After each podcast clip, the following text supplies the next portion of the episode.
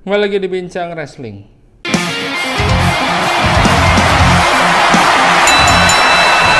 Di Bincang Wrestling minggu ini akan ngebahas tentang rekomendasi pertandingan terbaik di WWE.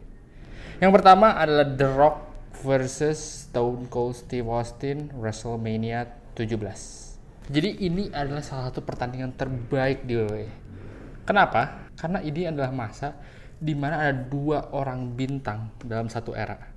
Kita pernah lihat ada era Ric Flair, era Hogan, era Shawn Michael, era John Cena, era Roman Reigns, era Brock Lesnar, dan ada Attitude Era.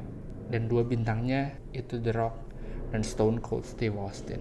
Di pertandingan ini juga adalah pertandingan yang di mana karakter dua-duanya sama-sama fan favorite atau face. Jadi sama-sama karakternya baik. Di, di pertandingan ini juga dimainin psychological di mana diperlihatkan Stone Cold udah menikah sama Debra dan dipakai buat storyline Debra itu hmm, jadi manajer The Rock dan itu mulai mulai meramaikan si pertandingan ini. Tapi ketika sampai di pertandingan itu pertandingannya pas banget. Ini di uh, stadiumnya udah nggak ada sekarang yang di Texas itu. Dan juga si pertandingan ini itu WrestleMania 17 salah satu WrestleMania terbaik di yang pernah ada.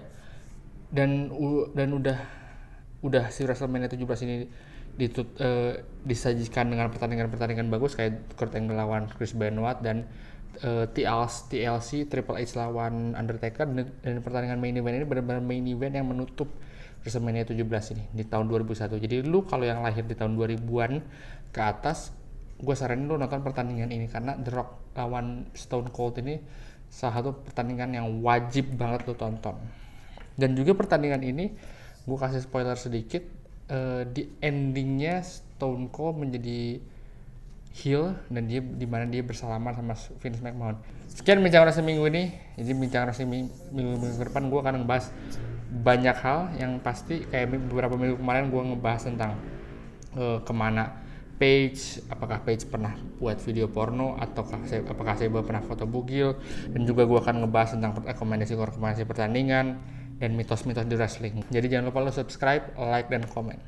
Sampai ketemu di Bincang Wrestling minggu depan.